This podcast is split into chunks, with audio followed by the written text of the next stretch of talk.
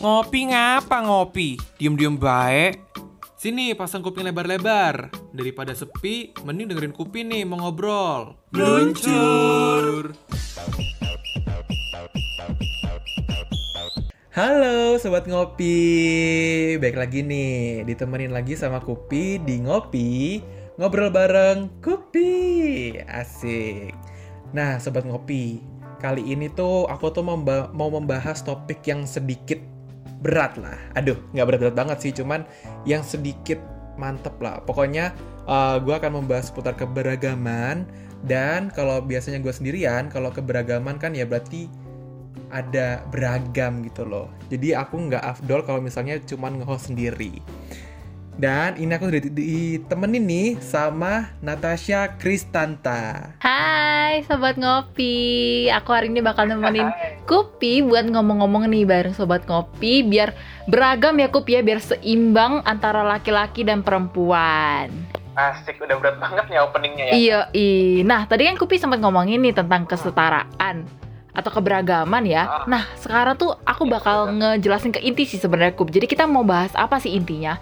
Nah intinya kita tuh bakal bahas tentang isu gender yang sering banget nih dikaitkan dengan pendidikan.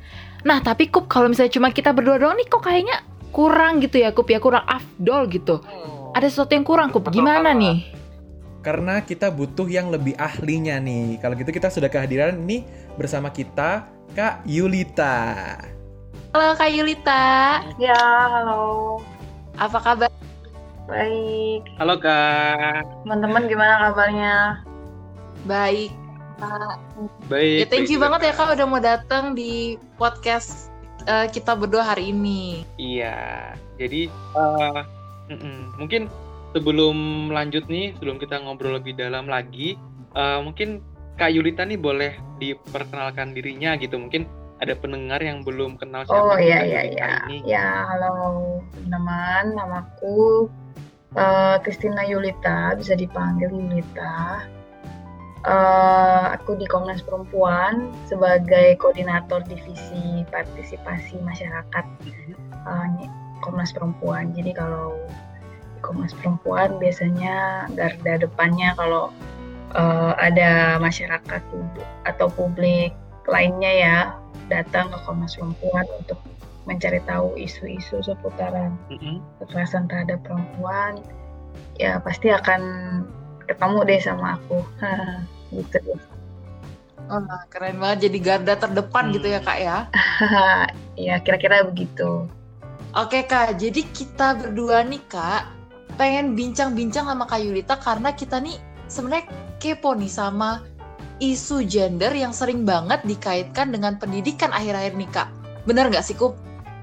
Iya betul banget. Karena kan eh, kebanyakan orang Indonesia ya, maksudnya kita di Indonesia aja kayak eh, pendidikan tuh selalu dihubungkan dengan gender. Misalnya kayak eh, laki-laki pendidikannya lebih tinggi Hmm, daripada perempuan.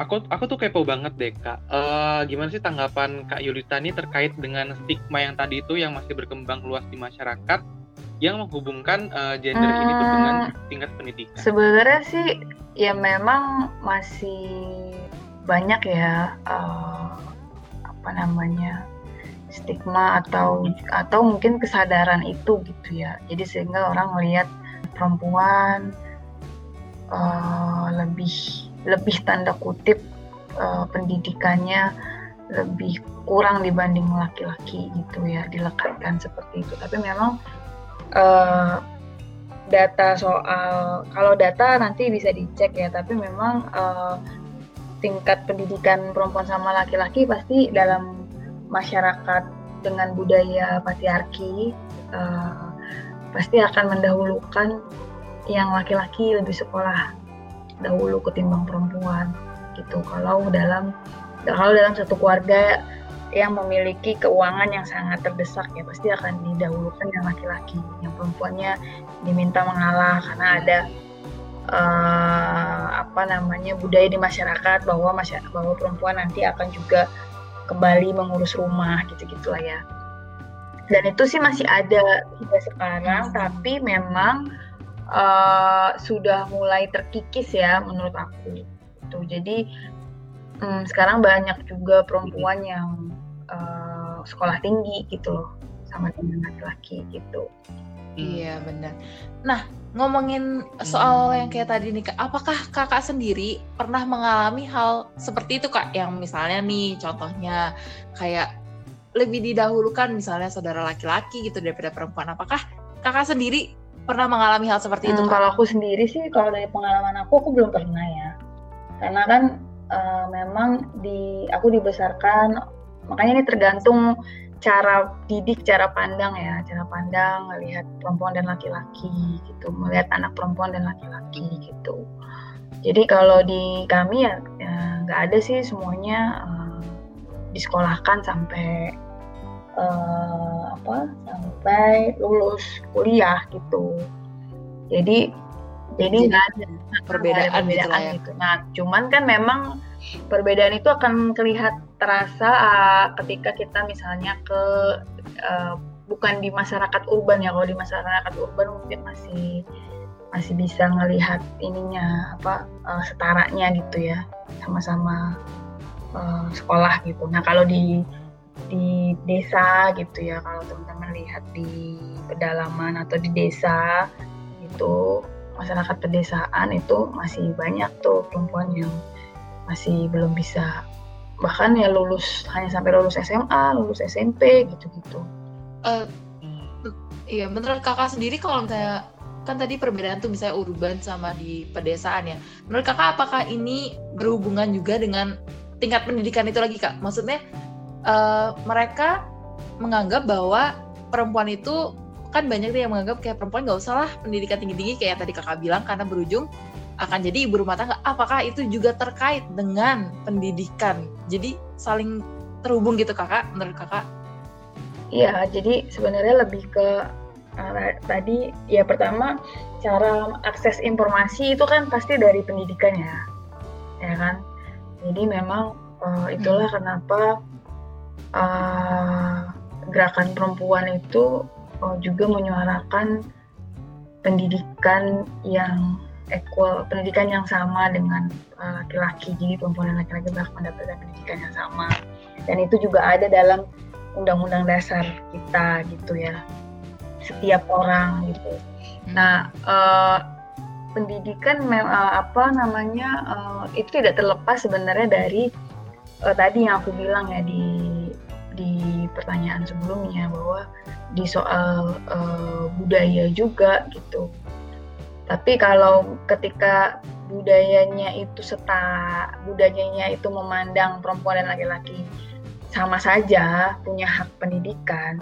Nah, sehingga kan perempuannya itu bisa bisa mendapatkan akses pendidikan loh. Ketika dia dapat akses pendidikan, nah itu adalah kunci uh, di mana perempuan bisa uh, melangkah maju gitu dengan akses pendidikan itu. Karena memang uh, pengetahuan itu jadi kunci siapa pun ya mau perempuan dan laki-laki untuk bisa maju ya kan pengetahuan yang Mhm. uh, ini ya.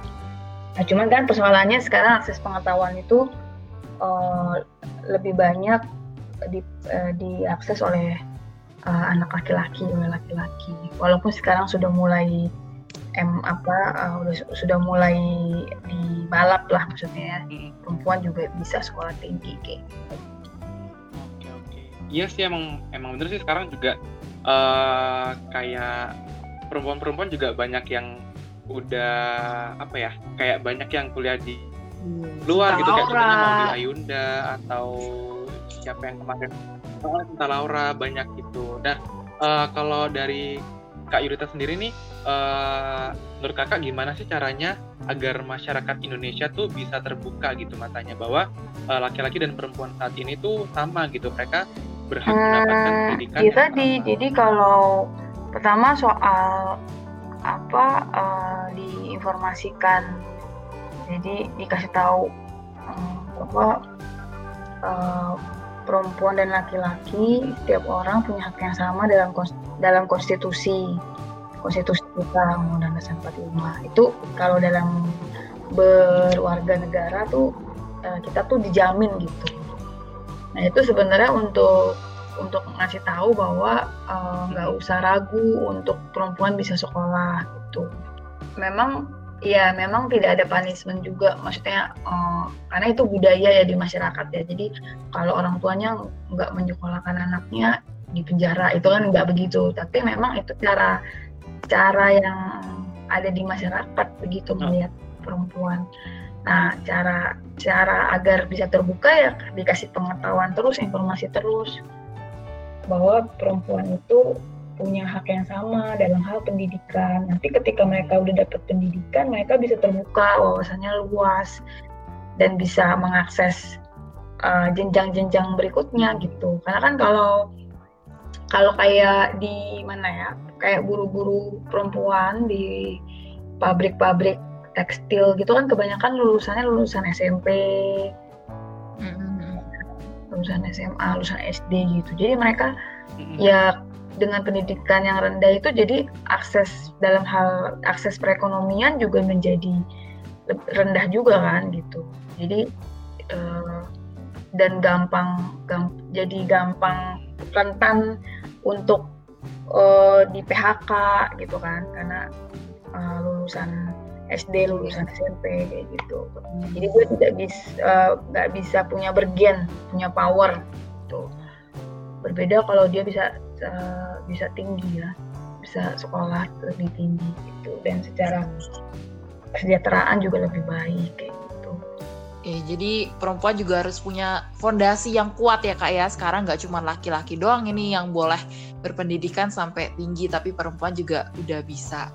Nah, terakhir nih kak, ada nggak sih pesan untuk perempuan perempuan di luar sana nih mungkin yang masih sangat-sangat apa ya kayak terpengaruh dengan stigma yang ada di luar sana. Karena jujur aku juga awalnya pas mau kuliah ke Jakarta aku kan merantau kak ke Jakarta.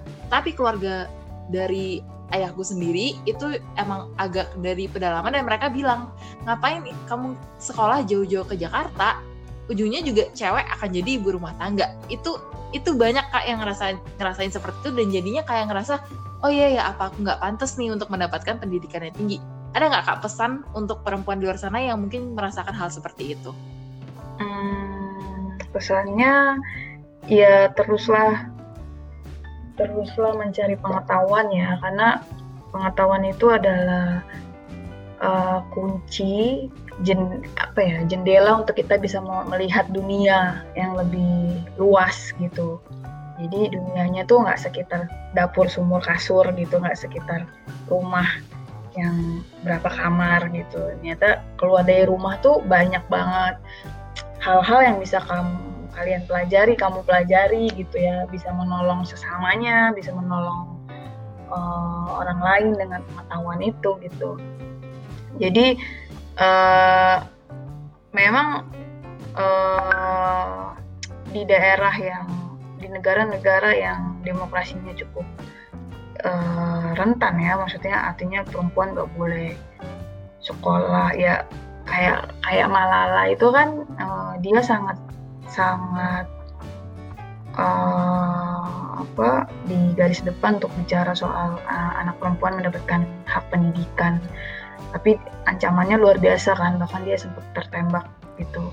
Nah memang sampai kayak gitu bisa akan sampai uh, apa ya setiap kemajuan itu akan banyak pasti akan ada pengorbanan ya maksudnya akan banyak ngelewatin hambatan-hambatan gitulah perempuan di, di, di, di tengah masyarakat budaya patriarki ini dalam dalam men, menggapai hak-haknya itu pasti akan mendapatkan hambatan-hambatan. Nah, ketika mendapatkan hambatan jangan jangan berkecil hati, jangan takut, jangan uh, jangan lemah gitu ya. Maksudnya jangan ah gue jadinya lebih milih gue di ini aja lah di rumah aja karena kalau uh, dibilang pendidikannya lebih tinggi nanti uh, lebih tinggi nanti bisa lebih tinggi dari penghasilannya dari suami dong kayak gitu-gitu ya. Nah itu kan uh, itu kan anggapan-anggapan yang salah ya. Jadi anggapan-anggapan yang ya kalaupun misalnya dengan pendidikannya perempuan ketika dia berkeluarga terus dia dapat akses ekonomi yang lebih tinggi ya kenapa enggak gitu maksudnya sepanjang itu dia lakukan dengan dengan bertanggung jawab ya, artinya ada pembagian kerja yang baik antara pasangannya antara suami dan istri gitu ya. Uh, uh, itu sebenarnya yang penting gitu, karena banyak orang tuh beranggapan akan laki-laki akan takut dengan perempuan yang sekolah lebih tinggi karena dia akan bla bla bla karena dia akan punya power, akan punya Iya bener kak. kayak gitu-gitu. Nah, uh, maksud aku juga jangan perempuan sendiri juga jangan takut, jangan khawatir sepanjang bisa bertanggung jawab dan dan bisa uh, apa ya membagi membagi apa pun dengan pasangannya atau dengan suaminya dengan cara-cara yang uh, demokratis, yang baik, yang setara gitu, aku pikir hmm, itu bisa terbantahkan dengan sendirinya gitu.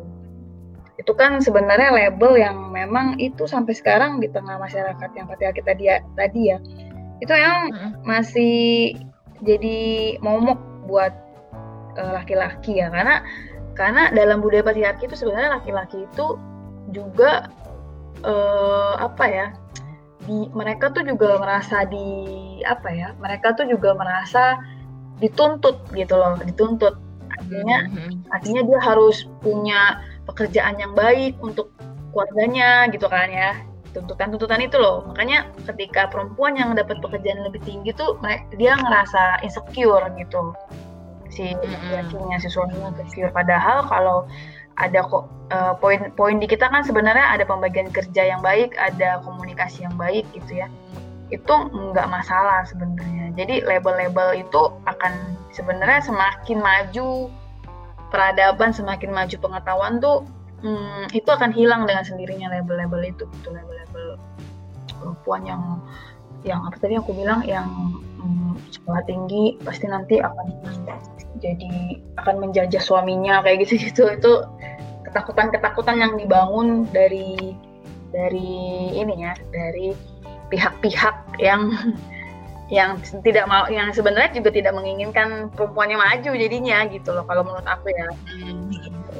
Wah keren banget. Berarti sekarang itu udah harusnya laki-laki dan perempuan udah setara, nggak ada lagi ya kayak yang harus laki-laki menanggung beban lebih banyak, tapi uh, masing-masing memiliki perannya yang sama nggak boleh ada yang satu lebih berat nggak boleh ada yang lebih ringan gitu ya kak ya hmm, gitu uh. Uh, jadi yang laki-laki teman-teman laki-laki jangan jangan pada takut kalau pasangannya pacarnya istrinya. Uh, dia mendapatkan mm-hmm. apa dalam hal apa ya uh, penghasilan lebih tinggi karena status karena dia pendidikannya lebih tinggi juga gitu loh. Jangan jangan takut sih menurut aku.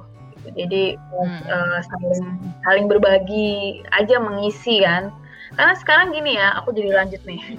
Karena sekarang dengan situasi dengan situasi ekonomi yang nggak menentu gini kan uh, dengan tuntutan laki-laki sebagai kepala rumah tangga uh, dia bekerja dan apa segala macam dengan dengan perekonomian yang nggak jelas ini laki-laki bisa juga pekerja laki-laki bisa juga jadi rentan untuk di PHK segala macam gitu kan nah, kalau di PHK kan uh, uh, si perempuannya atau istrinya kan juga harus harus bekerja juga jadinya gitu.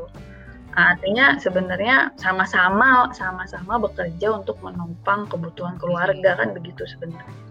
Iya benar. Buat bersama juga atau akhirnya gitu kan kak ya? Iya gitu.